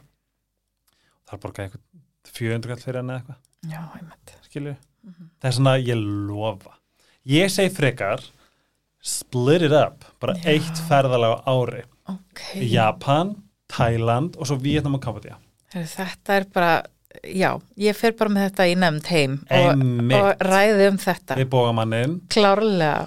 Og svo er líka algjörtags af því þú sagði Singapúr. Það er að taka um, þú getur líka, þú veist það er svo gaman að skoða flug. Bara, vá, herrðu, hérna Singapúr sem er tilbúð frá köpen, þú veist, eitthvað svona. Ok, svo, að því að play er aldrei inn í þú veist, Doha eða Momondo, ég veit við erum að fara off track en ég er að koma með lofa ég ég er bara að hlusta mér þetta bara, það er fleiri sem áhuga sig sko, Er það ekki? Jú. Um, einmitt sem kannski eru með eitthvað draum. Mhm. um, það er hægt að fylgjast að því að sko play og yfirleitt er þessu lág, lág gjalda flugfélög ekkert endilega inn í Momondo eða Doha upp Mm. þess að ég pantaði bara flugi frá köpun svo rettaðist það bara með play. Ah, og bara beði þrjá tíma eða eitthvað. Það geta maður allir gert það, ég er að segja það, bara skoða Jóhann Búralaksinn og leikabúðina og allir sáttir sko Gekk, já, ok. og ég fór nefnilega einu sinni fann bara ógisla ódýrt flug til Singapúr frá Mhm. köpun það var bara einhver 80 skall, eitthvað tæpur 80 skall sem Mhm. var frá köpun og þá bara var ég í Singapúr og þaðan tók ég, og svo er Air Asia sem er eins og bara lág, lágjaldar flugfélagið í allri Asíu kostar slikk og slef að fljúa milli landaðar ok. þú veist, ég flói fyrir kannski þrjúðu skall en það var reyndar, Já. en samt sem aður myndir þá mæla meir en að vera að veri að bara vera þú veist, fara út og svo svolítið bara leifa þess að ráðast? Elska mín ok, Þú, það, ég skal lofa þér, það er megið í kortinu ég hafði rétt fyrir mér. Ah, það er einhver megið, leynist einhver megið aðna í rísanda eða, eða ok, tungli fyndi að því ég er svolítið svona, þú veist, pínugart grínum er í ferðarlegum, ég er svona svolítið búin að skipilegja svona, þú veist, klísninu að tjekka rísandan og tunglið og senda mér það. Já, ég er að gera það. Þá er láta kóstar, allir sem var að hlusta verða að vera með kóstar. Það er mest Já. um, að því að þú veist, það rettast allt. Bali er þæginlegasta land í heimi. Mm. þú bara lendir, þú ert sótt á hótelinu svo færi bara fullt á WhatsApp-númurum hjá mismunandi hérna dræfurum. Getur þú sátt mig? Nei, en vinu minn hérna þetta, þetta númer. Og hann er bara með allt reddi handaðir fyrir bara bara eitthvað dag, kostar sjöskall dagurinn eða eitthvað. Vá. Mm, sister. Já, ég er náttúrulega bara eins og ég segi, mér dreymir um Þarna- bara ferðalag, veist, ég farði alveg víða um Evropu og ég er búið, veist, ég bjóði í Fraklandi og bara, veist, þetta einhvern veginn þetta er bara heimsalva sem ég langar svo mikið að kynnast. Dásamleg mitt næsta er Kambodja og Vietnam. Mm. eitt ferraleg, Mm af því ég veit að fljúa millir Kambodja og Vietnam mun kosta mér svona 5 skall einmitt, við áttum að vera í Vietnam að gista einhver svona báti og eitthvað, þetta er eitthvað voru spennandi við vorum sérst með alls konar gistingaplanar bæði svona fítni, þú veist, við vorum að fara á þetta hótel hérna með sundlegin hérna í Singapúr og hann já, Marina Bay. Ímmitt og hérna, en vorum líka með þess bara eins og í hérna Tókjó og Japan, bara eitthvað svona alveg ótrúlega, eða bara Osaka, bara eitthvað svona bara gista, Oh, japansku Sko, Jap traditional já, húsi og, Japan er eins og Ísland Mm. það er stýrt. Já, einmitt Þess að þú veist, þarna, en, en samt sem áður, ég held að ég hef farið til Japan og eitt kannski halvu miljón í allt saman. ok, Og það bara, veist, ég leiði mér allt. mhm, Það var líka bara langar tvær vikur og mhm einmitt væri svona húsi og það er alls svona leiðir líka, það er eitthvað eh, Miki, Yachi eða eitthvað mhm og það er svona meira heimagistikar en í komnum húsum. mm, Dásamlegt. Svo var ég upp í fjöllunum í, í, í uh, þetta hétt Hákonni, Mm. þar sem var bara svona aktiv, aktiv rétt við Mount Fuji og svo Vá. lendi ég í outletmáli þarna rétt hjá sem ég vissi ekkert hvað var og það var bara prata og bara allt var hræjóðýrt. ok, Þetta fyrir mér er svona slumplifnaðurinn minn. Já, já, er, er, já, já það, það, Mm. hérna, og líka hag sem er hótel, veljiði prófa að skoða að, að það kemur alltaf bara verðin hjá standardherbyggi. Svo sér það kannski hótel sem er bara mjög fínt og sérstaklega eins og í Bangkok, mjög dýrt. Ég er bara svona, já, ég er alveg til eða tíu skall í herbyggi. mhm, Farið þá inn á herbyggi sem kostar 5, 5 skall eða eitthvað fletta, skoða hvað þú getur fengið fyrir svítuna, því að kannski, kannski kostar hún 10 skall, en þá er þetta kannski komið með herbyggi, baðkar og auka herbyggi ok, ég er bara að læra helling hérna, Er það ekki Jú. ég líka að læra hellinga þér? Ætli fólk neina að hlusta okkur? Nei, ég allavega sko ég bara, ferðalögin er eiginlega það auðveldasta mm. Emirates og Qatar frá köpun til dæmis er yfirleitt sko bara ódýrstu flögin Já, er það virkilega? og það eru allar nýju bíómyndunar sem eru í bíó Ok, Aha. og sérstaklega þú ert búin að spara svona mikið búin að duglega spara einmitt. þá ætti þú mögulega bara geta farið bara að uppgreita skvísuna og annað. leist niður og fara að sofa Já, það er ekkert annað. Já, ég þarf klárlega að fara að skoða þetta. Að eins og ég segi, maður er einhvern veginn bara búin að setja einhvern veginn svona eitt stort markmið og setja það bara allt á ís og hugsa bara, æ, þú veist, það verður bara setna en það er bara mjög góða punktur hér. Kannski að maður bara fara að spita þetta svolítið niður og bara, já, þetta er bara, fjórhjóla ferði hérna eða þú veist, mótuhjóla ferði til Vietnam mm keira þvært ekki um Vietnam eða til dæmis, margir danir fóru til meira til Ástralíu í fríjónu sínum já, Já, bara svona próloka, eða bara próf í háskóla. Já, einmitt. þú veist, ég sverða þetta er magnað, ég mun gera það hann til drefst. Já, ég bara eins og ég segi, þú veist, ég held að allir verður bara svolítið ákveða fyrir sig hvað skiptir það mestu máli. Veist, bara hvar, ég bara sé þig með ferðalögin sko. Já, ok, ok, já. Ég, hérna, ég held að sé, þú veist, mjög misjant hvað, Mhm. hvað fólk liggur með þetta. Og ég meina fyrir suma finnst þeim bara galin tilhugsun að að vera einhvern veginn að- að leggja áherslu á það sko, að meina bara, þú veist, fyrir öðrum bara er þetta æmitt, bara það sem að veitir því mestu lífsgleðina. Og þú veist, ég allavega ég er allavega á þeim stað núna ég veit ekki hvort ég eftir að fullornast eitthvað en mér finnst bara skemmtilegra að, að peningarnir mínu fari í upplifanir heldur en steinstepu oh Þannig að þú veist, ég er bara mjög ánað þar sem ég er bara núna í lífinu og mér finnst skemmtilegra að ferðast. Þannig að ég er svona, þú átt íbúið ekki? Jú, jú, og hérna, og, og er þú veist, þannig að ég bara svona, ég set bara það sem, hérna, svona mitt, já, eitt af mínum fjárhalslega markmiðum er bara að- geta lagt nægilega til hliðar, að Mhm. geta ferðast og séð heiminn og upplifa hluti. Og fyrir mér bara veitir það mér mestu gleðina. Þannig að hérna, þannig að já, þannig að það er í raun og veru bara uh, kveikinn að þessu öllu saman og þessari blessuðu bók sko. Og það bara það að halda mér áfram í þessu plani svo að ég geti haldið áfram bara að veist, lifa því lífi sem mér langar. Mhm. þannig að hérna, að já. Ef við förum aðeins út fyrir ferðalög og hérna og peninga hvernig svona, hvað ertu með eitthvað svona fyrir þig sem að þú stundar bara svona fyrir andlega og líkamlega helsu sko já, líkamlega andlega heilsu, já, þú veist, ég fyrir með hundin Já, maðurinn minn er nú reyndar alveg nari við það, Já. en ég ætla ekki einu svona þykjast ljúa í, hérna, í þessu podcasti og segja ég sé alltaf út með hundin, það er ekki þannig en hérna, en jú, ég er mjög heppin í bí í hérna umhverju svona nálagt hérna bara mikil veist, ég er í hérna við Álafoss og það er í Mósespænum í hérna við Reykjalund og svona, þannig að það er mjög svona kósi stemning, þannig að ég er mjög hérna finnst mjög gott svona sækja orkuna á náttúrunni og, og reyna að huglega líka finnst það mjög, mjög næs, ég er endar hef ekki byggt aðteklega er því að gera það mjög lengi en, Nei. en ég finn það bara, þú veist, þegar það er mikið álag og mikið að gera hjá manni bara að þetta er svo ít á resetnapp að fara í svona smá smá hugleyslu mót, þannig svona já og svo hef ég alltaf verið mjög svona gaman að ég að hlaupa Mhm. þannig að ég noti þess líka Ég þarf að koma mér í það. Ég er endar ekki búin að vera döguleg en, en ég hérna en já, mér finnst það að gefa mér þetta er bara eins og bara vera með einhvern veginn svona bara, já, bara þvílík bara hamingi hormón sem kemur bara þegar maður er að hlaupa þetta er bara, það er eitthvað vel í hann sko. Í þessari öldu vassberans það sem er svona um, fullt af upplýsingum er að koma upp á yfirborðið og gömul munstur að brotna og breytast Mm. er eitthvað svona sérstaklega bara sérstaklega bara svona á þinn stað sem þú ert og þín er kannski generation skilju Mm. er eitthvað sem að þú svona um, ert búin að ná að breyta við svona hver þú ert eða eitthvað sem þú ert búin að taka eins og til dæmis að fara frá uh, 9-5 yfir í sjálfstætt er eitthvað svona sem að þú Já, og líka bara einmitt, þú veist, það og bara svona þurfi ekki að allir að vera í sama kassanum Mhm. og þú þarft ekki að vera svo manneskja sem þú heldur að aðrir heldur þú er að vera. Hvað er Mhm. hvað við, þú veist, -hmm.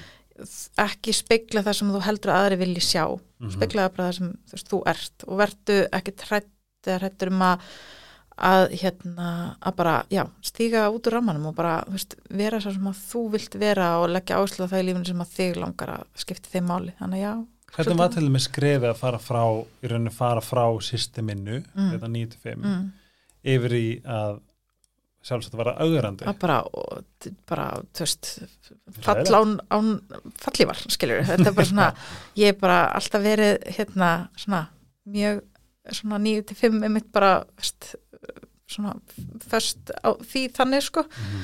þannig að hérna, mér fannst þetta bara, já, rosa, rosa mikið lótti en þú veist, þá er það líka annað er að þú veist, að því að ég er bara búin að vera á bara, hérna, vegferð að hérna, að þú veist, búa mér til bara ég er nú verið bara, hvað er það þetta, bara búa mér bara til líf þar sem ég get bara svona tekið ákvarðanir ekki bara byggða á peningum, skilur Bara fyrir þig. Já, þannig að ég var bara svona, mig langar að koma þessari bók til fólks, mig langar að sjá hvert það leiði mig. Ef ég væri ekki búin að vera, þú veist, skinnsem að mitt, mig til varasjóð, mig til, þú veist, einhverja svona, veist, eitthvað svona öryggisvendil, svona eins og þú segir, svona fokkjupeningar, sko, að þú veist, að þá, það hefði ég aldrei þórað þessu og það er líka það sem að, þú veist, bara frelsið sem þú færð við að bara eiga bara þetta öryggi, þú veist, það bara, þetta er algjör game changer. Þannig að þú veist, það fannst mér þú veist, mér fannst þetta rosalega erfitt þú veist, og ég var rosalega hrætt við að taka þetta skref en hérna en ég hefði aldrei, þú veist, bara ég held ég aldrei þórað þessu nefnum bara því ég vissi, þú veist, ég, ég á þá bara, hérna, ef, eitthvað, ef allt fer í bara, hérna, klúður, þú veist, þetta verður bara eitthvað algjörður sastir, þú veist, þá, þá á ég allavega bara, hérna, eitthvað, eitthvað tímbila sem ég bara, ég þarf ekki af áhugjur og þá bara finn ég mér aftur 9-5 vinnu Mhm. Emmitt. Þannig að það er líka svo ótrúlega dýrmætt þú veist, og sem ég fann þú veist, svona, þegar maður fór að finna bara, heyrðu, þú veist, það er þú átt að vera í vinnunniðina því að veist, hún á að vera skemmtileg og þetta ágefa þær ánæg og þú átt að vera, þú veist, þú ert þannig átta klukkutíma á dag meðaltalið, þannig að þú veist, þú þarft að finna fyrir gleðinu og þetta á að ekki að vera þannig að þið, þú upplifir eins og sért bara að mæta, þú veist, bara einhvern veginn, bara Bara... að klára tímana. Já, og bara þú ert bara þarna og þú veist, þú sérði einhvern veginn ekkert annan valkost eða annan val eða neitt.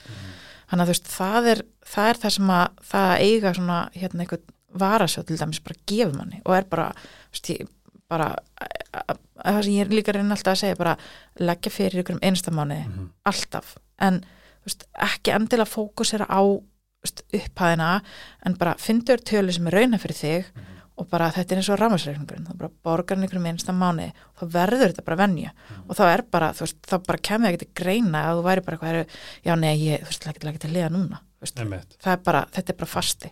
Er banki með það, þann valkost að það komi bara haka í ógæriða reikningleiku við sem bara fer, eða automatist fer. Já, ég held að þú getur alveg hérna uh, farið og tala við bankan, ég held að þú getur bara með þess að gera það í bankanum, bara svona sjálfverka, þú veist, millifærsli hverju mánuðina bara á eitthvað lokaðan reikning, sko, já, já, algjörlega, og þess að þú veist, ég kom stað að því ég kannski get verið eitthvað mikið eitthvað inn á þessum heimasíðum en eins og bara, þú veist, fara bara inn á, hey, bara, þú veist, bara þinn viðskiptabanka og bara upplýsingarna sem eru að inni, þú veist, að því maður er svolítið bara svona, mann líður ofta sem sé pínu týndur, sko, í allir þessu fjármála lingói og er bara eitthvað svona, veist, fjármálalingói Emmitt. Æ, þú veist, þetta er stundum oft verið að flækja fyrir manni lífið, sko. Þannig að, en hérna, en það er alveg bara hellingur af fróðleik og ég, það er með tækt að að leggja fyrir, þú veist, bæðu og svo getur bara valið, þú veist, hvernig reikning viltu þú veist, hvað ert að hugsa um að geima peningin lengi? Að þetta er bara eitthvað svona, þú veist, bara sparnar sem þú ætla bara að eiga og þú ætla bara að segja, herru, ég ætla bara að geima þennan en nú lókuðum reikningi að minnsta kosti þrjú ár, þá getur bara valið þannig reikning sem ber það einhverja aðra vexti heldur en er bara eitthvað reikninga sem þú getur tekið út reglulega. Að hann að þú veist og bara vera úrhættur um að bara tala við hann í bankanum með einhvern í nettspjallinu og vera bara hæ, mér langar bara að fara þú veist, stopnum mér hérna sparreikning eða, þú veist, ég vil byrja að leggja fyrir, hvað get ég gert get ég gert eitthvað svona mánaðilega, þú veist, það er bara bara byrja einhvers þar og það er bara gegja. Mér finnst líka bara svo góð punktur, bara svona verallega punktur, það sem þú sagðir, mig langar, og svo kláraði senninguna. Mm. Ef einhverjum úti er að, ef ein, svona kveikir í einhverjum úti, að prófa að skrifa niður í fundi fjörbókina, mig langar, punktur, punktur og fylta út. Já. Það eru alls konar hérna möguleikar í byrjun sem ættir að skrifa. Já, þú getur sko aftast í bókinni, Já, veist, þá eru aftast, svona já. auðarsíður sko, Einmitt, sem þú aftast. getur hérna aðeins skrifað svona og króta niður og nótira niður og alls konar Það er bara nóg að síðan með þess að. Já, og hérna og svo, þú veist, þannig að þá getur þú gert það. Og svo bara í hverju mánuði líka, þú veist, þá ertu bara með pláss þarna fyrir bara markmið og bara, ok, bara, þú veist, hvað intention ætla ég að fara með inn í þennan mánuð, þú veist, hvað, hvað verður? Og þannig er ég alltaf með eitthvað svona mánaðlega áskorunir í bókinni, þannig eins og næsti mánuður er eðslilaus februar sem er bara mánuður sem ég er að taka núna í eitthvað sjötta skipti eða eitthvað. Ok. Og það er bara svona núlstilla eðslu, mm er bara, bara necessities. Bara necessities. Og hérna, og það er bara ótrúlegt hvað það gefur manni mikið að prjóða að taka svona mánuð, það sem maður er Ú. bara getur þetta ekki orðið bara eitthvað svona a thing? Jú, klárlega, bara 100% og hérna, og eðislegs februar eðslulis februar bara, og edruar sem að helst í hendur. Já, bara 100% að þú vilt taka edruar og svo eðslulisan februar eða hvernig sem það er, sko. þú máttu geða peningi í áfengi helst ekki, sko. Ekki- Nei, ekki ekki samkvæmt planinu, sko. Já, ekki svo gott plan en það sem að eðslulis februarin verður bara fylgur í sér að, veist, þú bara, einmitt, þetta er bara nöðsynavara, þetta er bara læknisemsóknir eða matvara eða bensín eða hvað sem það er. Mm en hérna, en að öðru leiti bara veist, þá ertu bara að læra, segja nei við þig. Og það er bara allt í læg, þú veist, það má alveg pröfa að segja bara ekki, og ég veit, þú veist, það er svo gott þú veist, alveg já skilið og ég er búin að vera duglega og ég er búin að vera svona alltaf en það er líka ótrúlega hérna, bara holdt og gott að vera bara eitthvað, nei, ég ætla það er bara nei í dag. Það er jafn gefandi að, sjálf, að læra að segja nei við sjálfa sig og að segja nei við aðra. Já, að segja nei við aðra er ógislega augrandi fyrst og hræðilegt, maður heldur að maður sé versta manneskja bara síðan á setni heimstyröld mm en um, það er ótrúlega valdeflandi algjörlega. Að því ég held að skilabóðin sem fara upp í heilan eru ok, ég stóð með mér ég ætla, ég ætla að fá að afþakka algjörlega, af því einmitt þú verður svo, einmitt, þú talar um bara þetta stolt, maður fyllist bara einhverju svona innra stolti mm. Þú veist, bara vá, bara ég þú veist, ég bara stóð með sjálfur mér Mhm. og ég tók þessa ákvörðun og ég er bara ótrúlega sátt ég til þess að neyti mér öllum útsölum já, það er bara geggjað að Mhm. bara taka einmitt einhver svona með þetta ákvörðun og segja bara, heyrðu, þú veist, ég ætla bara að stíga aðeins tilbaka þú veist, úr, úr því minnstri eða einhverju sem að ég kannski, veist, leifi mér venjulega og vera bara, nei, þetta er ekki ekki fyrir mér núna. Veistu hvað er að hugsa líka, bara svona slumpaðar útrenningur, að því þú setur 20 skall í sparnað já, í, í þessu dæmi, mm dæmi dúta. Já, ok, segjum við þú og maðurinn seti 22.250 krónur mm í sparnað saman í sjóð. -hmm. það fyrir ykkur nei, ok, það fyrir eitt ykkar Mm er samt matur nutt -hmm. og með þess að paddleboard sem ég setti líka á kajak Já. á þessu hóteli sem er guðdumlegt í Já. Tælandi í rúmlega tvær ykkur og það er gal það er einn mánuður. Það er einn, þú veist, mánuður er svona. Það er smetla. til dæmis, ef maður setur þetta í svona perspektíf já, það er grillað. Það, vá, þetta er bara já, eins og þú segir sko. þegar þú setur þetta í samengi sko. Já, en þú veist en, og, en þarna til dæmis skiptir ekki máli hvort sé hæsison nema náttúrulega þú veist að hótelið er ég heldur sko í alvörunni, hótelið ég hef farið í hæsison, þetta hótel dáslegt hótel. Mm. um, þetta er svona echo living. Mm -hmm. þú þarft að vera í kaldastyrtu Úff, ég dýf ekki tánn í kalt vatn þá með vera að borga fyrir það. Ok, þá erum við saman þar þetta er, svo fara bara, þetta er svona sami temperature og er í sjónum. Mm -hmm. kannski er þetta filtrað sjóri eða eitthvað. Mm. það er svona þegar þetta stiknur hitta já, einmitt, ok, og fer í styrtuna þú veist svona þrjá dagar venjast. Ok, ég skal kaupa það sko. Uh, hendi mér enginn í einhvern kælipott eða sjósend hérna sko. Nei, Að og þú gera þú, veist mig að engu, að engu leiti ekki nefnir ég sé einhverju, einhverju trámakasti. Um, en þetta er bara að öllu leiti guðdómlegasti stað sem ég veit um. og ég hef farið fjóru sem er fyrir vá. Mm, ég fyrir aftur aftur, ég mun alltaf fara. Þetta er bara svo bústæður minn. Já, ég það klárlega að fá hérna einhverjar nánar upplýsingar um hótelið þetta. called, ég geti sagt ykkur, þetta er Castaway Resort á Kolibi Tælandi. Ok, geggja. Og til dæmis eins og bara að þú veist, við um hvað, þú veist, ef að þú var nýri bæ þú veist, mann fæði drikk og tekur tax upp í mós og hvað, Mhm. mm 12 skall það er bara mjög góð spurning. Bara, það er alveg hellingur ábygglega sko. Ég leiði limmusíu fyrir bara mig þar sem ég Mhm. gæti bara leið og sofið samt spe- spenntur í belti í tvo tíma frá frá flugvellinum nýra höfnina. Mm. og það var sjóskall. Já, einmitt en ég get líka farið í van eða ég get farið í vennilega fólksbíl og þá er það helmikið Mhm. ótrúlega En það er líka eins og að segja, sko, þetta er náttúrulega líka svolítið spurning um bara, þú veist, hvað er í forgangi hjá þér, þú veist, viltu að sem er í forgangi og getur einmitt bara skelltir í bæinn og haft gaman og eitt, þú veist, ykkur 20 pluss í bænum, eða viltu bara segja, herru, það er bara, ég er bara góð þar og ætla bara að sleppa því, en ég held staðin að, þú veist, setja allt mitt púður og, og hérna, það sem ég, þú veist, myndi og myndi bara segja, veist, og ég meina, ég sapna alveg veist, sparnað og eitthvað svoleiðis og alveg, hérna, veist, legg fyrir þar, en svo er bara ferðarsjóður og það er bara, þú veist, ég, ég get ekki fyllt inn á ferðarsjóðin fyrir en ég bara, þú veist, passa að ég geti, hérna, ég reyna að haldið mér á þessari áallin sem ég sitt mér og þú veist, og leggja fyrir í sparnað og allt það, þannig að þú veist, það er svo mikið pressa, ég haldi allir til þess að ég komist til útlanda, því þú veist, það er bara endgeimin hjá mér, þannig að, en þú veist, ég, ég sitja ekki samt það framarlega að ég, þú veist, hætti þá að, að sitja eitthvað í sparnað eða eitthvað svoleiðis, af því það er svo ótrúlega mikilvægt, en ég reyni alls ekki það til þess að ná þessu markmiði og geta gert þetta. er það TikTok? Í, já. Það er bara snildið það, þú veist, það er svo mikið að flottu með orð svona travel herri, Mm það er bara svona, þú veist uh, meðmæli hvernig átt að uh, ferðast í Japan á tveimugum eða þreimugum eða svona, hvað er snild að skoða og gista þarna í eina nætur eða tvænundur ég myndi alltaf með ef ég mætti, ef ég mætti, svona, ef ég mætti bara ráða hvert þú myndi að fara fyrst þá var það auðvitað Japan, af því ég veit átt fyrir ok, ok. og svo bara, þú veist, sérstaklega núna er bara í vor, þetta er bara tilbúin að fara að bóka?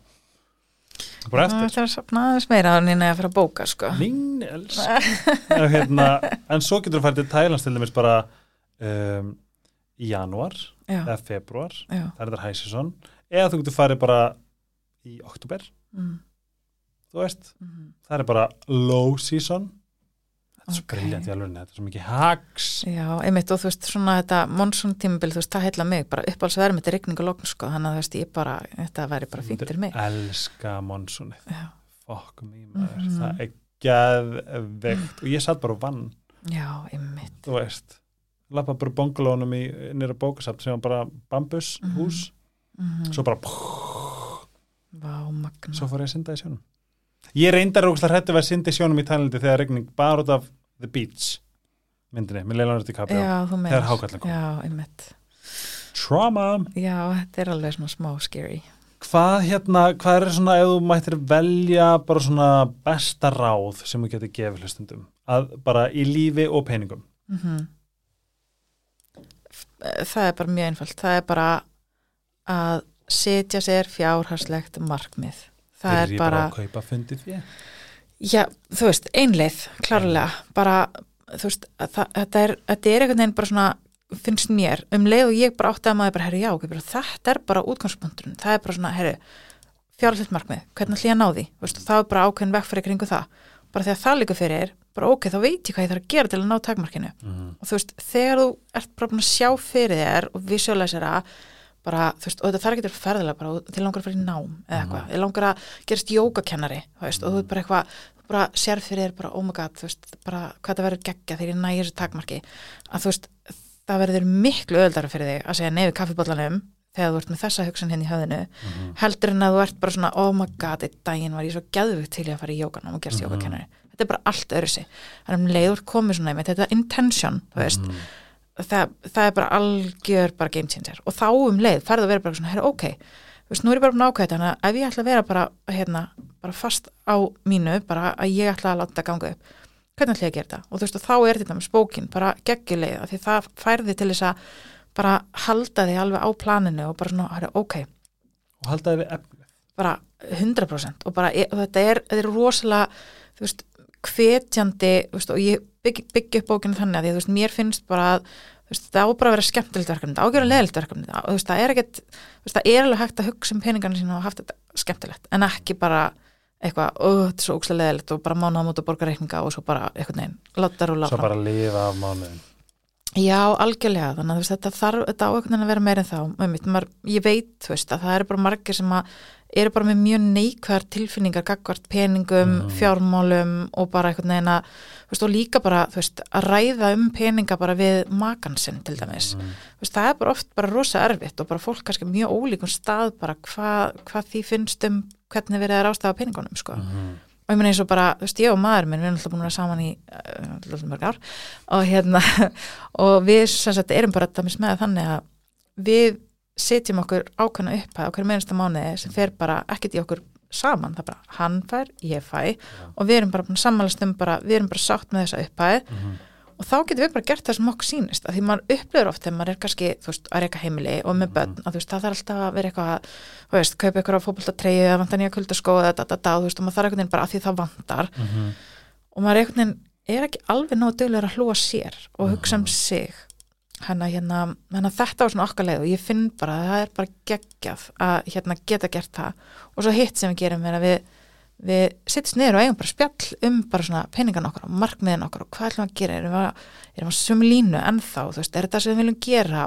Og þá alveg hægt að tala svoleiðis saman bara eins og bara á hvað hótel ætlum við að gista þegar það fyrir til Japan. Veist, Já. þetta, er, þetta getur í alvörinni, ég get loga þetta getur orðið að jafn góðu, þú veist bara svona samtali eins og bara að þú veist, það það er bara, og þetta er svo ótrúlega mikilvægt. Þetta er bara eins og bara hvern annar angi af bara eitthvað svona sambandi, peningarnir er bara hluta því líka. Ég er svo sammálaður. Ég það er líka fullt að mynda vídeo á TikTok, það er þetta svo svona, það er eitthvað svona normalize having dates, veist, date með makaninum, það sem við tali um markmið, framtíð, peninga, nákvæmlega. þú veist, hugssjónir mm og ég og Pétur bara erum reyn, veist, hann, hann hann er svo mikil dulla þarna.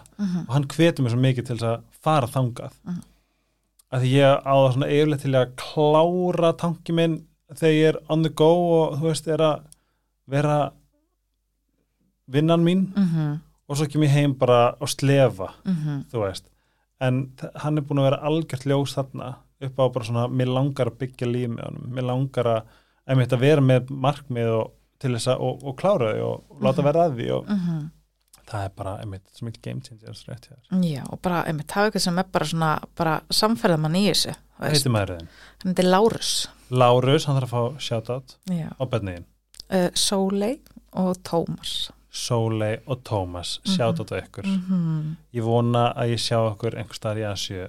Oh my god, þú færð hérna klárlega hérna, mynd, og ég bara klárlega þarf bara að setja mig í sambandi og fá bara hérna allar hlekki all hótelin og allt sem ég þarf að gera þú verður bara svona Þokkalega. minn bara helsti ráðgjafi og gúru í þessum málum sko, sko. er mynd, þú veist, þú segir, þú veist þarna, þú veist, þetta get ég verið að gera allan daginn. Ég, ég nota Airbnb appið, jafn mikið og bara sa- aðra samfélagsmiðla Vá, og læt mig geggjað. dreyma og ég er með, það er svona, þú getur svona se- seifa alls konar, Já. Bali, Japan, Þú veist, alls konar Mhm. bara um allan heim. Mhm. Ég er með einn í- sem er bara svona sveita sittur á Ítalíu Mhm. og Fraklandi, en hérna, þetta er svona mitt, svona, ég get, ég get du- dund- dunda mér að þessu bara Mhm. endalaust Mhm. og ef þið skoðið til dæmis villur á Bali Já, þú getur leikt úst, villu, einhversundlaug uh, bara við erum að tala um sko bara hjúts villu mhm. fyrir svona 20.000 nótt og það er bara hugjes Vá.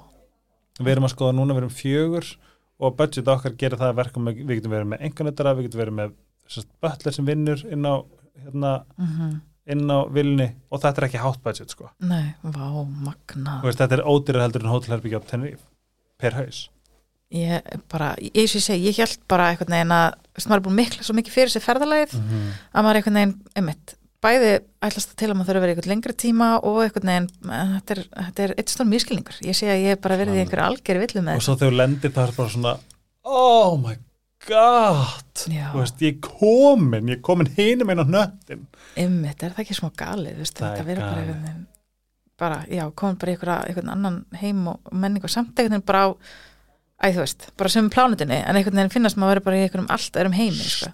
dörla sko Já, ég, ég segi dríðið sem fyrst squeeze Já, þetta er, þetta er geggja. Við erum með markmið sem sagt núna að fara, við ætlum að vera jóla árum út í New York, þetta verður mikil draumur hjá okkur að veist, vera þar. Rándýrt. Sko. Já, þetta er nefnilega rosalega dýrt verkefni mm -hmm. og, hérna, og við erum alveg svona búin að reyna að finna leið til þess að láta þetta ganga upp, þannig að við látum hérna, verðum þetta er þannig við. gert að húsa skipta þetta Jú, það er það sem við erum semst að skoða Brilja. ég fekk áfall þegar ég skoðaði hótelgistingar uh, Ég bara glemti því, sko.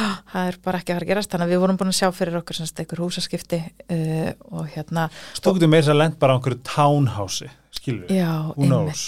ymmit, hann að já, við hérna en það er greinlegt að það er mikill áhuga fyrir Íslandi sem hérna svona áfangastæð sko, að Gallega. Þannig ég myndi heyrið það að vera einhver í útarfinu talimundin daginn, sko, var myndi að segja bara, og hafði margóft gert svona húsaskipti, sko, og sagði að þetta væri bara algjörlega geggjað, sko. Vinkon mín lendi bjóða Bali og kom hingað og hún endaði bara í einhverju villu á, upp í Vassenda eða eitthvað. Já, ok. Bara, já, ég með tvo bíla og pott og innfæðsánu og gufisánu og bara what the fuck. Vá. Og þau voru bara mest gracious fólki heimi, bara hvað, njóttu vel, skan. Nei, vá. Svo fóruð þið fyrir úr húsinu hennar og ekkert mál, skan, þú bara verður þarna, veist, bara eitthvað svona dæmi, sko. Einmitt. Kannski ekki alltaf þannig, en ég meina, þú veist. Ég held samt, sko, að virðist vera þetta, þetta sé samfélag bara fólk sem að bara, þú veist, já, er bara almennt bara ótrúlega viðkvæmulegt og þægilegt. Ef mér finnst ég bara að heyra góðarsögur. Ég heyri svo lítið af svona Scary. einhverjum terrorsögum, sko. Mhm. og maður setur svo meintilega bara í samband og ringi FaceTime og eitthvað svona Já, einmitt, hún sagði mig það sko, hún sagði mjög mikilvægt að taka FaceTime spjall fyrst. Mhm. Ef það er eitthvað sem að þér Off. finnst, já, þá bara hættir við, þá átt að hætta við. Já. Það er yfirleitt einmitt, þetta einsæi. Þú veist, það bara, Þú bara, það er eitthvað sem múrt að skinja þarna sem bara er á, hérna, þannig að þú átt bara að segja nei takk. á ég segja þér eitt ráð sem ég er með í hausnum Mm. ég mæli með að hver og einn sem er með einhverja drauma og er að spara og vil eitthvað svona Mm. reyna að finna sér eitthvað side hustle Mm Það er mjög góð búntur. ég er pínu ég, ég, ég, sko, því ég fæ hugmyndir en ég myndi aldrei neina framkvæma, framkvæma þér I'm busy að hérna um, að það sé einhvers konar vettvangur þar sem fólk gæti þjenað auka pening Mm -hmm. og nýtta bara þann að þú, þú veist hvað það fær í laun, Mhm. nýtir hann í það sem þú átt að gera eitthvað sem kemur aukalegin Algjörlega. Og sjóð ef þú hefur tök á einhverju slíku, þá er það bara frábært. Og ég, alveg, þú veist, hef þekkt bara til dæmum, bara þú veist, ég veit eins og kennarar sem hafa verið að taka sér svona, hérna, uh, sérkennslu, auka kennslu, mm -hmm. bara svona til að, hérna, aðstofa nefnendur og svona, veist, hafa verið að leggja þá fyrir og veist, nýta það, ég með tekið svona ferðasjóð og svona, þannig að þetta er alveg, Mhm. auðvitað alveg svona dæmi og það er mjög sniðið að gera það, að hérna, og reyna að, að þá, einmitt, finna kannski eitthvað svona, eins og segir, eitthvað svona hustle, sko, ef þú á því bara frábært, Já, bara tjekka hvað þú ert góður í einmitt, og sjáðu hvað þú ert gert. 100% sko, það ekki? jú, Ég ætla að, þú veist, ég, þú veist ég, ef ég fæ, þú veist, til dæmis eitthvað, svona lítið gig mhm, þá oft er ég bara eitthvað, ok, allt nú komið bara 50 skall hendunar mhm, ég er bara að gera eitthvað sem ég myndi að það lefa mér. Mhm, getum skó, mhm, getum mér þessu auks mhm, þeir eru æði, ég er búin að nota endurlust mhm, æskilu, ég held að þetta sé the new já, era. Algjörlega, það, það er þetta bara, ef maður getur fundið einhverju svona aðra tekjuöfluna leið, þá klárlega, þú veist, er það bara Mhm. líka ef þú vinnur við skrippborð mm getur þú dundaðir í hálftíma bak við yfirmannin Mhm. og sint einhverju -hmm. sem maður getur veist, farið við próf eða Mhm. þú veist, farið við rítgerð, I don't know Mhm. bara Mhm. það sem þú ert góður í tjekka því bara algjörlega, sko 100% ég, sko, vá hvað var mikil ánægja að fá þig og vá hvað það var allt einhvern veginn svona ánægum var sko öll mín að það mín líka ég sé, ég segi, bara, mér finnst bara algjörlega gali og klikka að ég sé bara stett hérna í helgarspjallinu. Mér finnst þetta bara, að því sem ég segi, ég bara hef alltaf verið hinn með hérna bara að hlusta og finnst þetta svo ótrúlega já, bara nærandi að hlusta á þættina hérna oh. ég bara í alveg ég ætla að vona ég, að þú að vera ekki að vera fyrir vambriðum uh, ég, bara alls ekki, bara alls ekki. Ég var eitthvað svona, hvað henni finnst ég bara ógislega leiðilegt bara ógislega óspennandi og bara alls Eitthvað. ekki langt í frá, bara búin að gegja spjall. Og ég er bara, al, bara aldrei verið að peppu að bara halda mínum fjárhastlegu markmiðum á rétti breytinu eftir allar þessar inspirerandi ferðapælingar Oh, sko, ég er bara, gott, vá hvað ég feina hafa getið að gefa eitthvað tilbaka. Þetta er bara gegja ég, nú er ég bara hérna, nú kemur ég bara heim og bara eitthvað, herru krakkar, þetta er New York dæmi hérna, sleppum því. Við ætlum að fara til Bali. Nei, en sko líka bara til þess að, til þess að halda sér vefnið mm tjekka Airbnb, þú veist, skoðuðu viljurnar þú veist, eins og bara þú veist, eins og til dæmis sorry, nú held ég alltaf að fara mér alveg frá þetta en hérna, þú veist, eins og bara Ítalía þú getur fengið, þú getur fengið hús á sveitasetri Ítalju og getur lendið eitthvað staðar, leikti bíl Mhm. kert um sveitirnar og búið í þessari villu fyrir kannski 60% af einhverju, einhverju hóteli. Mhm. með, með þú veist, þú veist yfirleitt líka villunar er bara með eitthvað svona litla sundlaug og allt okkur sjarmirandi eða gömul kapella eða eitthvað.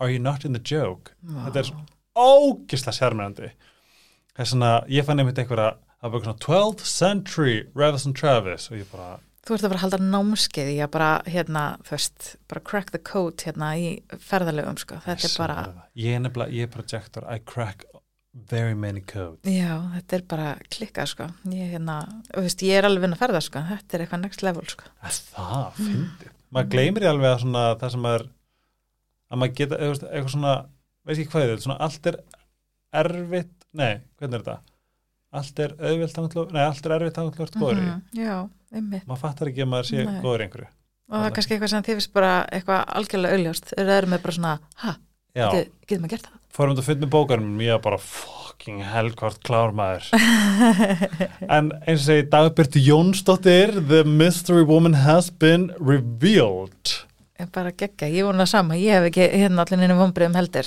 Hmm. bara s- alls ekki bara mesta ánægi heim og fundi fyrir.is Já, og svo Instagramið fyndi fyrir. það er reyndar ógislega gott stöf Ef þú vilt pepp og kvartningu, þá bara, fylgir fyndi fyrir á Instagram. þetta er fræðandi og minnstu líka bara ógislega döl ég finnst þetta ekki vinna að halda svona uppi Brjálu vinna. alveg reynd Já. Hérna, já, fundi fyrir.is ég elska vídjón þegar þú ert að pakka bókunum. Já, já, Hérna- nákvæmlega, hraða gæjanum nákvæmlega. já, fundi fyrir Instagram er klárlega must follow. Það er mjög fræðandi. Áðurinn við kveðjum Sítokær, Dr. Teals Ice Herbs, Sleepy Love You með því að stiða þau stiði moi til að halda þessu í blúsandi gangi takk fyrir að hlusta. Þeir sem hafi sendt mér skilabóð ég er að vinna mig í gegnum þau. Ég er að leita mér á einhverjum heilugum stað þar sem ég get sitið í heilan dag í einhverjum svona legustól og bara lazy boy.